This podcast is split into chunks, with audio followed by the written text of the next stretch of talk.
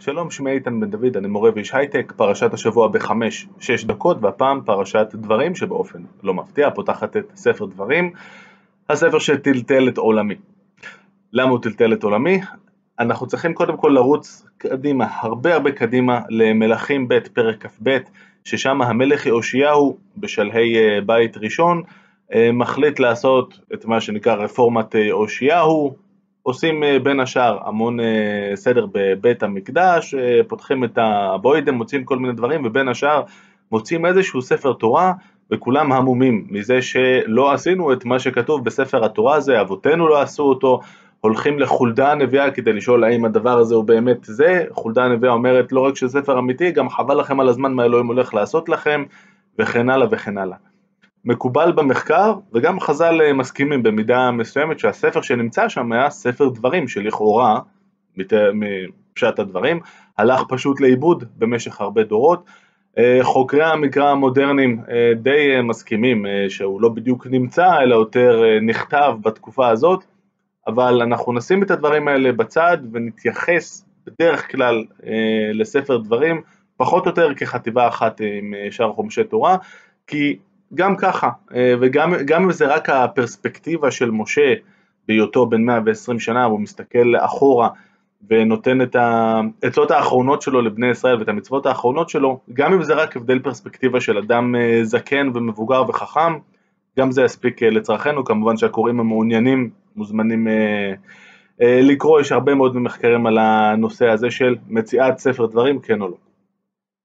על כל פנים, אה, בפרשה הראשונה לפחות אין כל כך הרבה הבדלים בין רוח הדברים כמו שאנחנו מכירים אותם מארבעת החומשים הקודמים לבין רוח הדברים בספר דברים. בהמשך אנחנו נראה כן הרבה אה, ניואנסים שהם שונים או ניואנסים או דברים יותר גדולים, כמו למשל שאלוהים נתפס הרבה יותר כאל אוניברסלי, שהוא המלך של כל העולם, ולא רק האלוהים הנורא נקודתי שלנו, כמו שנניח כמוש הוא האל של מואב.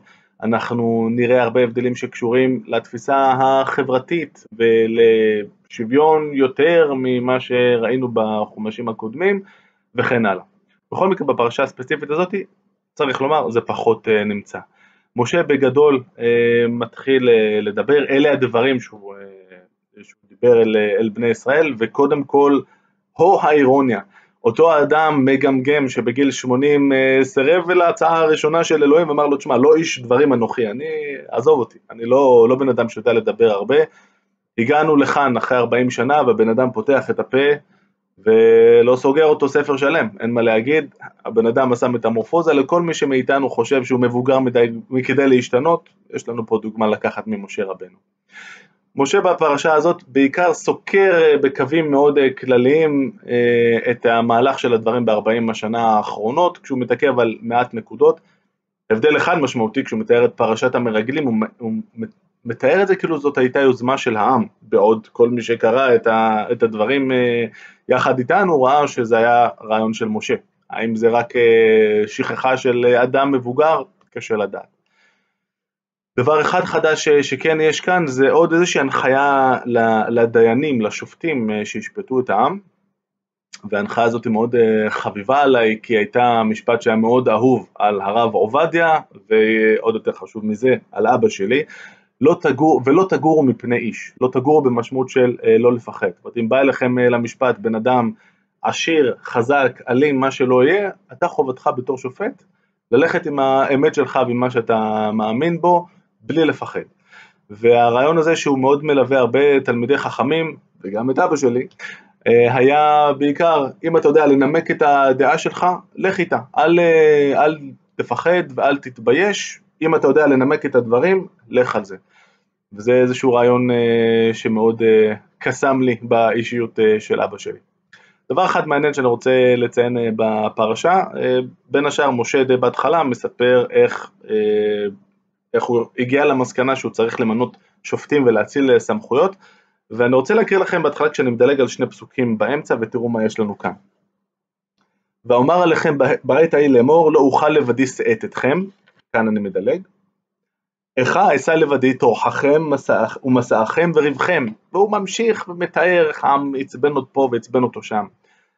אבל בתוך הנאום הארוך הזה אה, של משה, וכאן אנחנו רק בהתחלה, שהוא בעיקר יורד על העם כמה שהם לא היו בסדר והם לא היו טובים, יש לנו כאן שני פסוקים באמצע, שבהם אנחנו פשוט רואים איך משה לא יכול להתאפק, והאהבה שלו פורצת החוצה, כי באמצע יש לנו, אדוני אלוהיכם הרבה אתכם והנכם היום ככוכבי השמיים לרוב, אדוני אלוהי אבותיכם יוסף עליכם ככם אלף פעמים, וברך אתכם כאשר דיבר לכם.